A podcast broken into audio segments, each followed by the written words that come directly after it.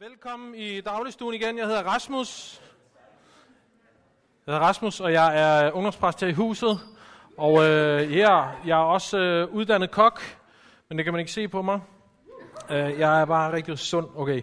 Øh, vi er midt i en serie, som hedder øh, Kristne tager fejl, og vi prøver at stille det dogme til os selv som kristne. Nogle af de indvendinger, som mennesker, øh, som ikke kender til kirke, kristendom, til Jesus, ligesom øh, møder os med.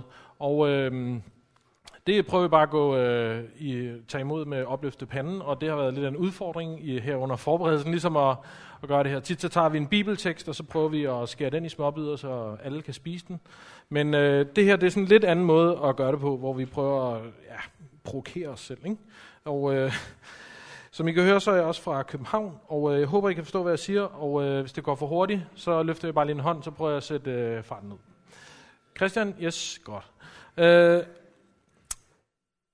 øh, det her det er en af de store indvendinger, som man rigtig tit, specielt som ung, hører øh, folk har imod kristne. Jeg har selv mødt det masser af gange som øh, kok i et køkken, hvis man siger, at jeg er kristen, og jeg øh, går i kirke, så må du ikke øh, drikke øl, må du ikke øh, have sex med nogen, må, øh, skal du bede to timer om dagen, skal du øh, gå i kirke om søndagen. Øh, sådan øh, en forestilling om, at der på en eller anden måde som kristen er nedlagt sådan et øh, restriktivt net, eller at der på en eller anden måde øh, inden for kirkens mure bliver udøvet en eller anden form for social kontrol, eller der på en eller anden måde er nogle parallel domstol, eller nogle repræsalier, man kan være bange for, hvis man ikke gør, som der bliver sagt, eller som der ligesom er aftalt. Og øh, det er måske almindeligt kendt, at, øh, synes jeg efterhånden i hvert fald, man har set masser af eksempler på, også dokumentarer på, at øh, et øh, anerkendt kirkesamfund som Jehovas vidner øh, har øh, masser af øh, historier som dem her, hvor de øh, på en eller anden måde øh, isolerer eller øh, udstøder medlemmer, som ikke følger de her med, øh, regler, som er. Og øh, der er også masser af dokumentation for at øh, snakke om i pressen, at steder i Danmark, hvor der er stor øh, muslimsk koncentration, er der på en eller anden måde nogle råd eller nogle imamer, som øh, laver nogle, på en eller anden måde nogle straffe eller pålægger folk at gøre noget. Der er også masser af øh, eksempler på kirker og sekter, som udøver på en eller anden måde en, øh, ja, nogle straffe eller pålægger medlemmer at gøre, som de øh, vil have.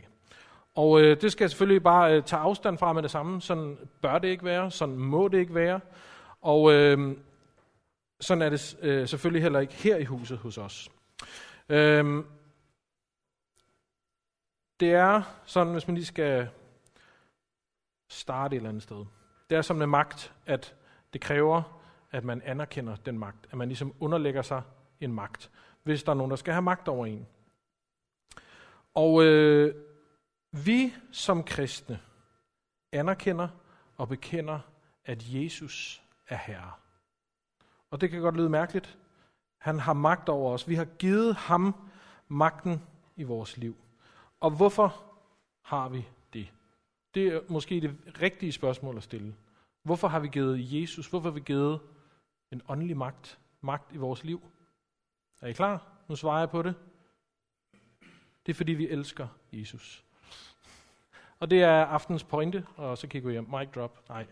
Øhm, men hvorfor elsker vi Jesus? Det er jo så det næste spørgsmål. Hvis du skal forstå det, så bliver vi nødt til at starte øh, lidt tidligere. Vi bliver nødt til at starte historien helt tilbage. Vi starter i en have. Vi starter i Edens have. Her forudset eller malet af en øh, guldaldermaler, som jeg ikke lige kan huske navnet på. Der er både pingviner, der er svaner og ender sammen. Øh, og så i baggrunden der kan I se, øh, de nøgne går rundt og gnasker frugt. Øh, Adam og Eva. Og øh, i den her have, der er manden og kvinden, Adam og Eva. De er skabt af Gud med det formål at være genstand for hans kærlighed, for hans nærvær, for hans samvær. Øh, de er skabt ud af hans tanker, og de er skabt i hans billede. Øh, de er selvfølgelig uden forældre, det siger sig selv. Øh, og derfor, måske netop derfor, men særligt derfor, kommer Gud selv i haven og er sammen med Adam og Eva. Og der står, at, Jesus, at Gud han kommer ned i haven en aften. Og Adam og Eva har gemt sig. Fordi de har brudt den eneste regel, som Gud han har sat op for dem. De har spist af det træ, som de har fået besked på ikke at spise af. De har brudt den eneste regel, som er i hele haven. Øh, Adam og Eva, som Gud har skabt, bryder den eneste regel, og det får konsekvenser. Hvorfor gør det det? Det gør det, fordi at Gud er en lidenskabelig Gud. Hvad betyder det? Det betyder, at han ikke er ligeglad. Det betyder, at han he cares. Altså han er, der, øh, der er noget, som er rigtigt, og der er noget, som er forkert. Alt andet er kaos. Helt fra starten, så kan vi læse om i skabelsesberetningen, at først er der bare kaos. Jeg forestiller mig, at atomer flyver rundt og har ingen steder hjemme. Men Gud han siger, han udtaler, her skal der være lys, og her skal der være mørke.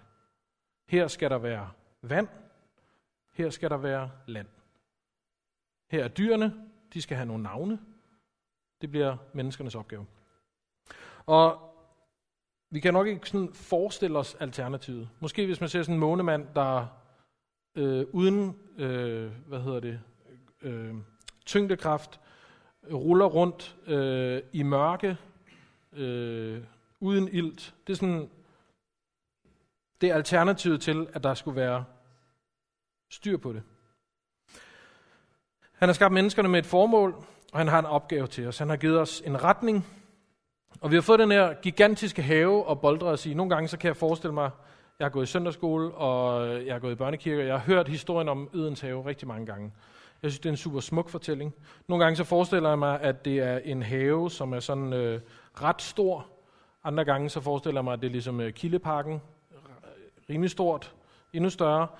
Men nogen øh, vil sige, at øh, det er måske i virkeligheden, sådan som beskrivelsen måske er, og nu, det her det er bare et bud, det er egentlig ikke vigtigt, men at det kan have strukket sig fra Irak til Ganges.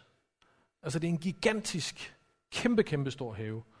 Nogle vil sige, at øh, dengang var der ikke øh, kontinenter, og jorden så anderledes ud. Det var måske sådan det der superkontinent, Pangea, øh, Pagea, som øh, betyder, at hele jorden var et stort kontinent. Altså vi har fået hele jorden som sådan en kæmpe stor have og boldre os i. Øhm, men alligevel, selvom der er frodige klima og fauna, fauna, og det strækker sig kæmpestort, så selvom vi har alt det plads, vi vil, selvom Adam og Eva har alt det plads, vi vil, de vil, øh, så går de lige præcis hen til det træ. Lige præcis den ene ting, de ikke må gøre, det går de hen til. Så selvom de kunne have gået langt væk, ikke bare over i den anden ende af kildeparken og stadig kunne lugte træet. Det er ikke sådan, de, de gik forbi træet, hver gang de skulle på arbejde over at navngive nogle dyr, eller over at have noget særligt frugt. Det er ikke sådan, Gud har stået og øh, sniffet, øh, hvad hedder, tværet træet op i næsen på dem og sådan noget. Det har været, de har sagtens kunne gå langt væk, men de vælger at gå hen, hvor træet er. Og de vælger at søge det, og øh, så vælger de at at øh, forbryde sig imod den ene regel her. Og det er jo sådan en øh, urfortælling omkring den frie vilje og det frie valg. Øh, en mytologisk fortælling, kan man sige, omkring det frie valg. Øh,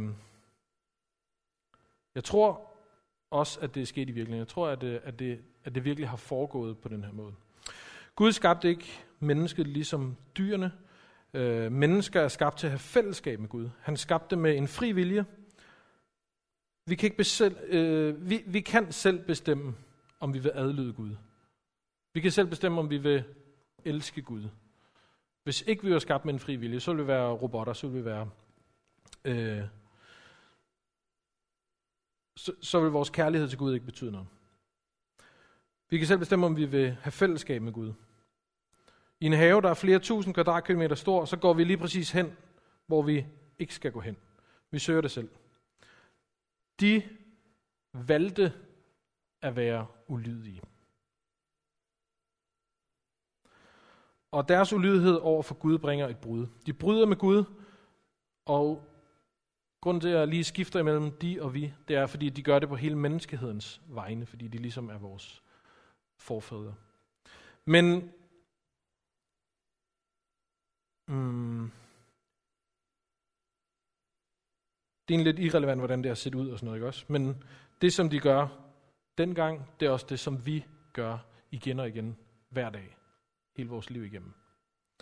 Øhm, vi bryder med Gud, vi øh, tager afstand fra ham, vi synder mod Gud, øh, vi gør ikke det, vi bør gøre, vi udfylder ikke vores formål. Og Adam og Eva bliver udvist af haven, de bliver forbudt adgang, og de er væk fra det, de egentlig er skabt til.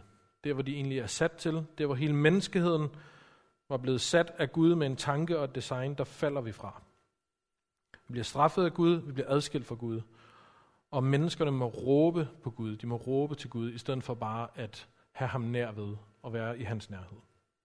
Der er en afstand til Gud, der er et skæld, der er en kløft.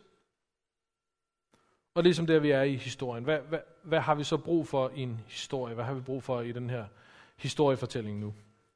Inden vi går videre med historien, så skal I lige snakke med hinanden om, er regler dårlige? Er regler ikke bare ekskluderende? Det får jeg lige to minutter til at snakke med sidemanden om. Værsgo. Okay. Ja. Så øh, hvad har den her historie, hvad er vores historie brug for nu, hvis vi øh, hvad, hvad, vi har et kæmpe problem. Ikke også? Adam og Eva, slægt, er adskilt fra Gud. De er faldet fra derfra, hvor de stod, og det de var skabt til. Dømt til hårdt arbejde. Øh, slut med at gå nøgen rundt og gnaske frugt. Gad jeg godt selv hele dagen. Øh, I varmen over ved Ganges. Men ikke nok med det. Deres handlinger har ligesom også fået konsekvenser. Ikke bare i forhold til Gud, men det er en af de første brud, som ligesom er konsekvensen af det, det er, at manden og kvinden får noget imod hinanden. Der bliver et skæld imellem manden og kvinden. Og efter der er kommet et skæld imellem manden og kvinden, så kommer der et skæld imellem deres børn. Den ene bror slår den anden bror ihjel. Øh, det er på alle måder øh, tragisk. En, en fjerdedel af verdens befolkning på den tidspunkt bliver slået ihjel. Øh, Så det fortsætter i alle relationer og i alle situationer er det bare mega, mega cracked up. Og helt frem til i dag, hvor vi er, er det os stadigvæk mere og mere og fjernere og fjernere fra det, som vi var skabt til. Øh, måske kender du det fra dit eget liv, at der kan være nogle virkelig cracked up ting. Måske kan du se det på den måde, vi behandler planeten på. Øh, menneskeheden, jorden, måske har vi det godt her i, i Aalborg i Danmark, men bare lige, vi går lidt uden for vores egne grænser, så skyller der folk op på vores kyster, enten det er døde eller levende. Øh, folk, der flygter fra ekstrem hungersnød, fattigdom, krig. Og hvad, hvad gør vi i den her historie? Hvordan kommer vi tilbage igen? Hvordan kommer vi tilbage til det oprindelige? Hvordan finder vi vores plads igen? Det, som vi måske alle sammen længes efter, og finde ud af, okay, hvad er det egentlig, som vi kommer fra? Hvordan kommer vi tilbage til den relation igen, først og fremmest med Gud? Hvordan kan vi høre fra ham igen? Nu er vi i ørkenen. Nu er vi ikke i en have mere, nu er vi i en ørken. Sammen med Moses og sammen med det udvalgte folk, israelitterne eller jøderne. Og øh, Moses har taget dem ud af fangeskabet i Ægypten, hvor de var slaver. Og de er på vej mod det land, som Gud har lovet dem. Vi er på vej mod det land, som er det forjættede land, som det bliver kaldt. Som Gud har lovet, at hans folk skal rykke ind i og eje på et tidspunkt. Og Gud, husk det også i dit eget liv, han bryder aldrig et løfte. Han holder altid, hvad han lover. Og hans folk skal have det land. Og Gud, han begynder at åbenbare sig for Moses, den store leder, hvilke foranstaltninger der skal tages. Og han begynder at vejlede Moses, og han giver regler for, hvordan det skal være i Guds nærvær, hvordan man kan møde Gud. Og jøderne går i ørkenen i 40 år, og de bliver skabt som en nation. De får love øh, tildelt og regler tildelt af Gud. De får civile love, de får rituelle love, de får moralske regler, de får også hygiejneregler. Som kok, øh, som, hvor man skal tage et øh, hygiejnekursus for at have med mad at gøre og lave mad til mange mennesker. Så hvis man læser øh, de regler, som Gud han giver til jøderne på det tidspunkt, hvor man intet ved om bakterier og krydskontaminering, så er det fuldstændig øh, vildt at læse, Øh, hvordan kosherregler er. Øh, hvis man følger det og kører et kosherkøkken, som er et jødisk køkken, så er man øh, fuldstændig fri for, øh, for infektioner og, øh, og roskildesyge. Så øh, det er på en eller anden måde guddommeligt. Det synes jeg er helt vildt. Okay. Og jøderne, israelitterne, de er stolte af deres love. Ligesom vi i Danmark faktisk er ret stolte af vores love. Vi har grundloven, øh, som man, øh, hvis man skal i Folketinget, så skal man hen og sværges ind, eller øh, skrives ind på grundloven, eller hvordan det er. Og vi, har, øh, vi er meget glade for vores øh, ejendomsretslove i Danmark, som er nogle af de fineste i verden. Der er ikke nogen, der kan komme og tage dit hus. Vi er rigtig glade for vores øh, lejer, udlejer, lejeloven. Der er ikke nogen, der kan komme og smide dig ud af din bolig, hvis du har været der mere end to år. Og der er alle mulige regler, som beskytter folk. Nogle rigtig, rigtig gode love. Og det er kun vores dronning, som kan tilføje nye love. Og der skal ikke komme nogen øh, idiot fra USA og fornærme vores dronning og sige, at han ikke kommer og besøger hende. Så bliver hele vores nation så bliver hele vores nation fornærmet, ikke også? Love er gode, og øh, regler er gode. De beskytter, og de afgrænser. De begrænser, og de vejleder. Så regler, ja, de er gode. Så vi er i det, der er åbenbaringsteltet i ørkenen. Sammen med Moses, og Gud han kommer ned som i, øh, i skikkelse af en støvsky og fylder hele det her telt. Ligesom i haven, så kommer han, og han vejleder, og han rådgiver, hvordan de skal leve for at leve godt. Men det er kun det, som er helligt, som at være i teltet sammen med Gud. Gud han giver øh, retningslinjer for, hvordan man skal hellige dem og det, som skal ind i teltet. Og øh, det kan godt virke sådan lidt øh, mærkeligt. Øh, hvad betyder hellig? Hvorfor, øh, hvorfor er det kun de hellige ting? Hvad er helligt?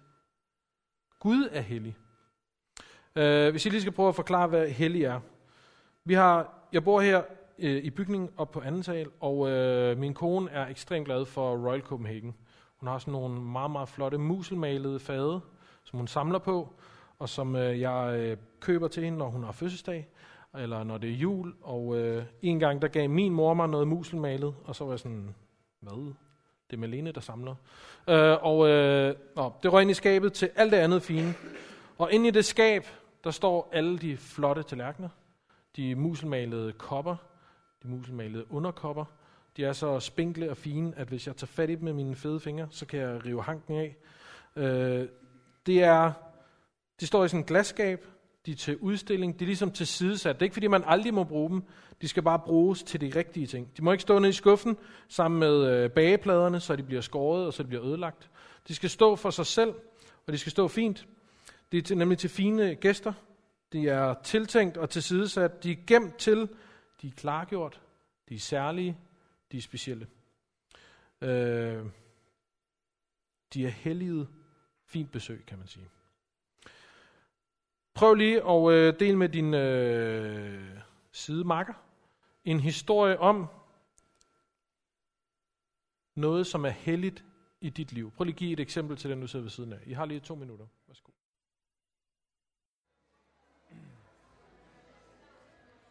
Okay. Så øhm, i Gud han taler til israelitterne i 3. Mosebog 11, kapitel 11, vers 45. Og han siger det her til dem. For jeg er Herren, som førte jer op fra Ægypten, for at være jeres Gud. I skal være hellige, for jeg er hellig. Og israelitterne og jøderne er Guds folk, det er sådan lidt mærkeligt nogle gange. Hvorfor har Gud en favorit blandt alle mennesker? Men det har han, fordi at på dem, der skal der ligesom øh, vises, hvordan man bør leve, og hvordan man lever godt, og hvordan man får et godt liv. Han giver dem de her love og regler, for at de skal have et godt liv. For at andre kan se på dem, alle andre folkeslag kan lære af dem. Og øh, det er bredt og vidt kendt, at der er igennem tiderne masser, som har kigget på øh, Israel som nation for at finde ud af, øh, hvad der er godt. Øh, og senere også de kristne, øh, som bringer det her videre. Øh, de er dedikeret til Guds formål. De er dedikeret til at skulle vise og øh, være forbilleder. Øh, og det samme er det for os i dag som kristne, at hvis man ikke har helliget sig og, og er klar til at tjene Gud og vise, hvordan man egentlig bør leve. Hvis jeg lige har kaldt en for min nabo for et svin og øh, kastet sten efter hans hund, og det næste øjeblik så skal fortælle ham om, hvor god Gud er og hvor kærlig Gud er, så hænger de to ting jo ikke sammen. Hvordan skulle jeg kunne vise, hvordan skulle jeg kunne være et forbillede, som er helliget Gud, når jeg taler grimt, og når jeg udviser vrede. Og ja, det er, det er en, øh, en regel, som Jesus han uddyber, uddyber i bjergprædiken, at man skal ikke udvise vrede. Så det er en regel, at vi som kristne må leve efter. Jeg vender tilbage til, hvad, hvad konsekvensen for det er lige om lidt. Men det, det her, det handler om, at man også som kristen prøver at leve helligt. Ikke skinhelligt, ikke sådan øh, uh, hovski snovski, ikke sådan dobbeltmoralsk eller dobbeltstandard.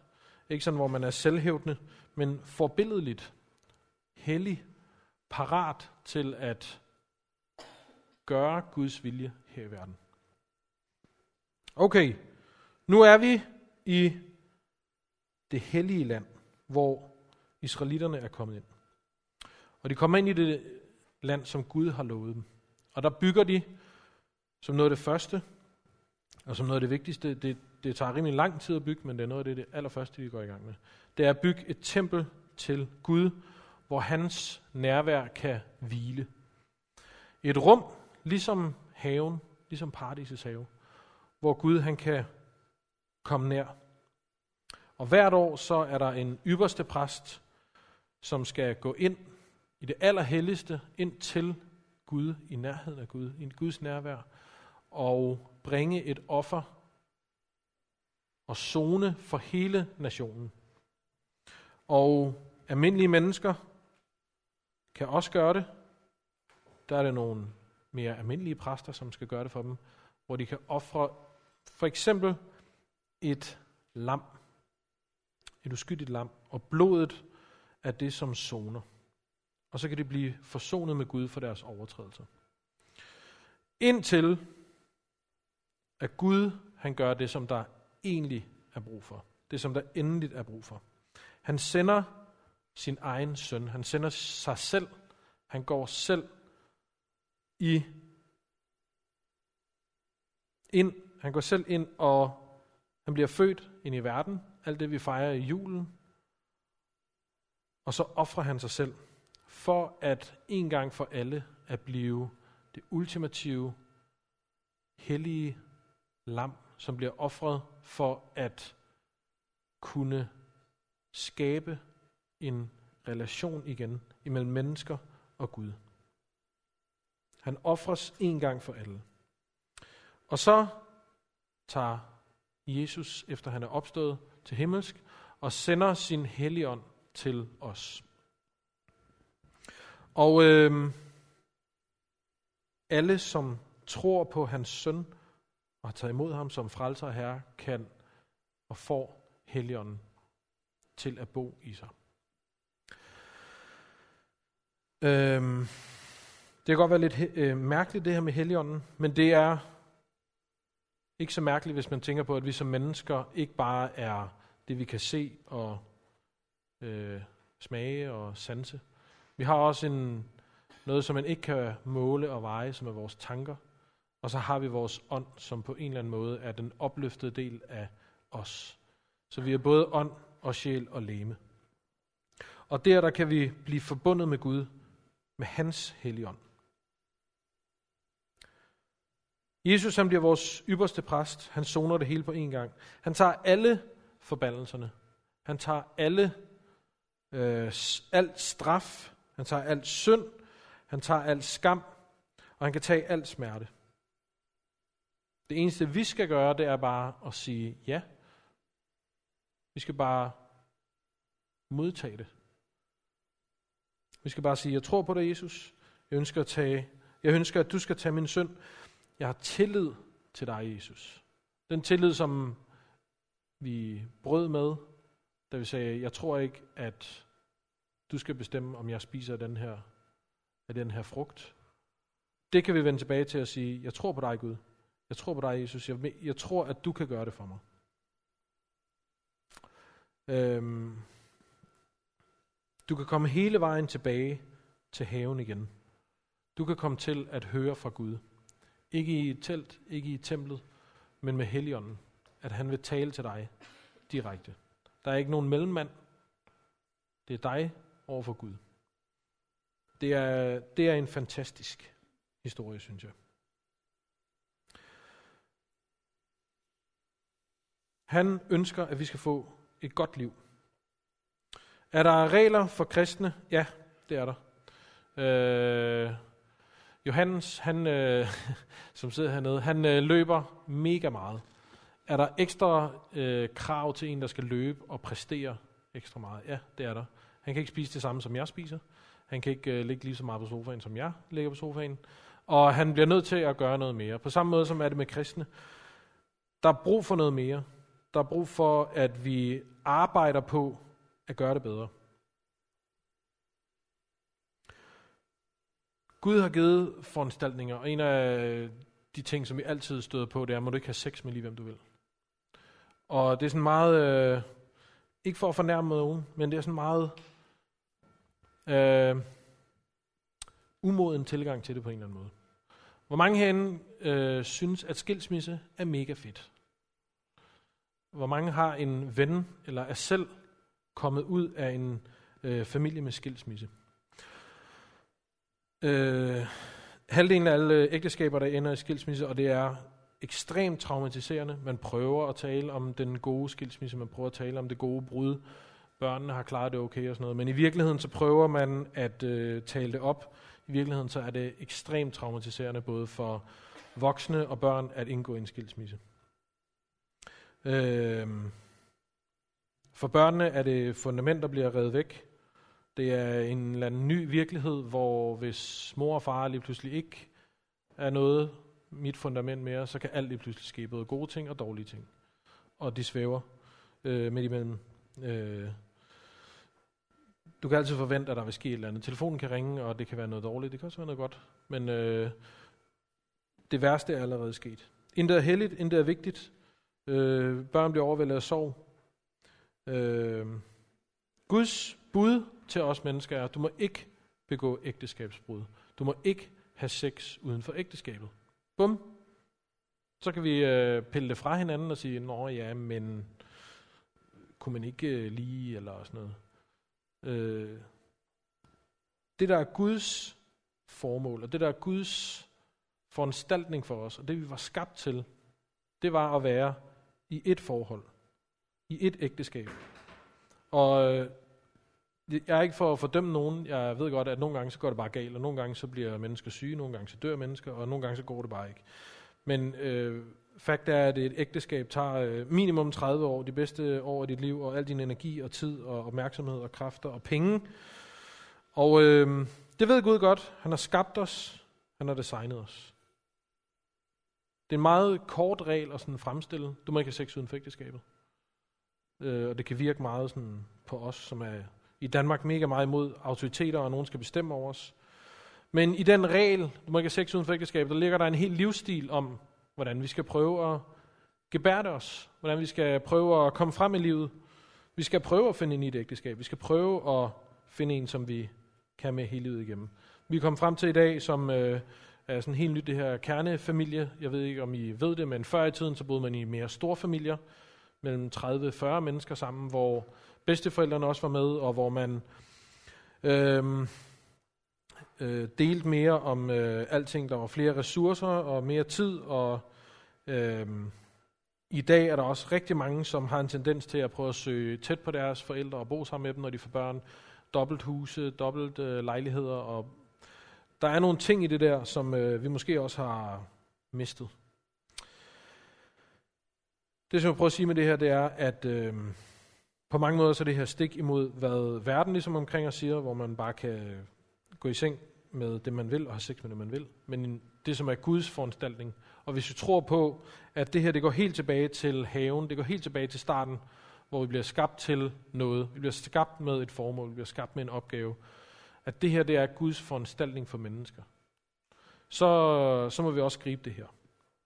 Og det er bare et eksempel på, øh, hvad det er for nogle regler, der ligesom er sat til os. Kan vi have afhængighed og bånd, som binder os? Det kan vi godt. Skal vi bare acceptere, det er sådan? Det skal vi ikke. Gud han vil sætte os fri af det. Øh, vi skal gøre vores, vi skal kæmpe vores kamp, og Jesus han har lovet, at han vil sætte os fri. Frihed fra synd, frihed fra skam, frihed fra smerte. Jesus han er en øh, gentleman. Han kommer ikke og øh, hverken pålægger dig nogle regler, eller river dine beslutninger ud af hænderne på dig. Det er fuldstændig op til dig, hvad du vil gøre. Men han har designet os, han har lavet os med en, en øh, brugsvejledning, og, og det er de her regler, som er sat op for os. Jeg plejer at bruge det her eksempel med en Nintendo Wii. Kan man bruge den som en faldskærm? Det kan man godt, men det er ikke det, den er designet til. Og du kommer virkelig galt afsted, hvis du gør det. Du kan godt spænde en computer på ryggen og så hoppe ud af et fly, men du får det ikke sjovt af det. Altså, det er, det er ikke det, en Nintendo Wii var skabt til. Og vi som mennesker er også skabt med et formål. Der er regler, der er foranstaltninger, som vi kan gribe i det. I Bibelen. Øhm, ja. Så er det her noget, du vil have? Er det her en frihed, du vil gribe? Der er en kæmpe frihedsbuffet. Jeg kan godt øh, spise den alene, men øh, der, er, der er nok til alle, og der er en plads til dig, hvis du vil spise med. Der er et øh, der er en bordplan, og dit navn står på. Der er bordkort, og der er dækket op til dig. Gud kalder dig, Gud kalder os til at være hellig. Og øh, ikke skinhellig, oprigtig dedikeret til ham. Overgivet til ham med hjertet. Ikke gennem regler, men gennem tro på Jesus. Ikke gennem regler, men igennem en relation til Jesus. Ikke gennem religion, men gennem relation. Han er levende, han elsker os, og han venter bare på, at vi rækker ud til ham. Okay, nu har vi sagt øh, rigtig mange ord. Prøv lige at øh, bøje hovedet og bare lige øh, være stille i bare lige øh, et øjeblik.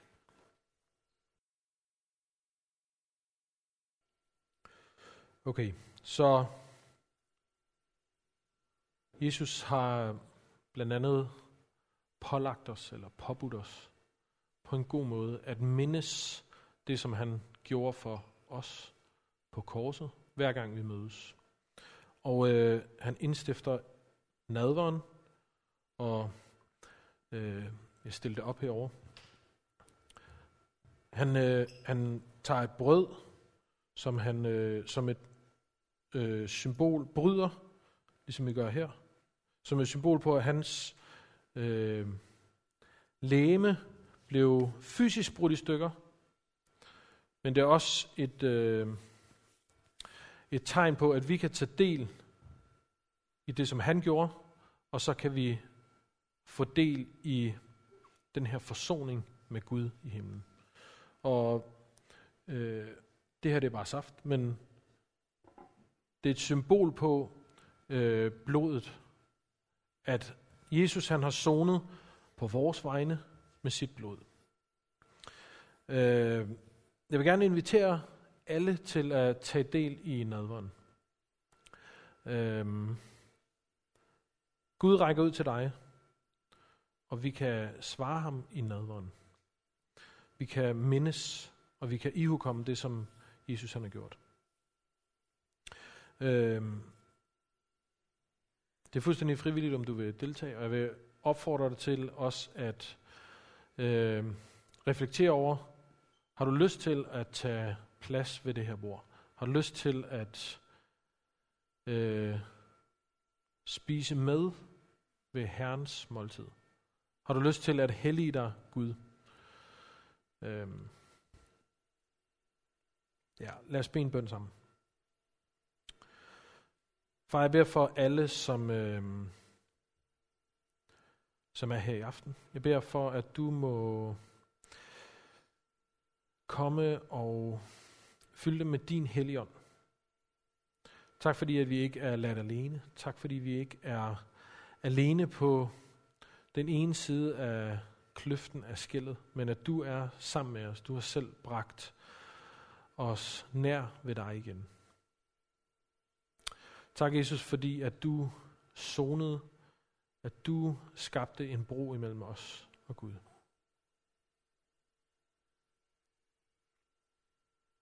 Amen.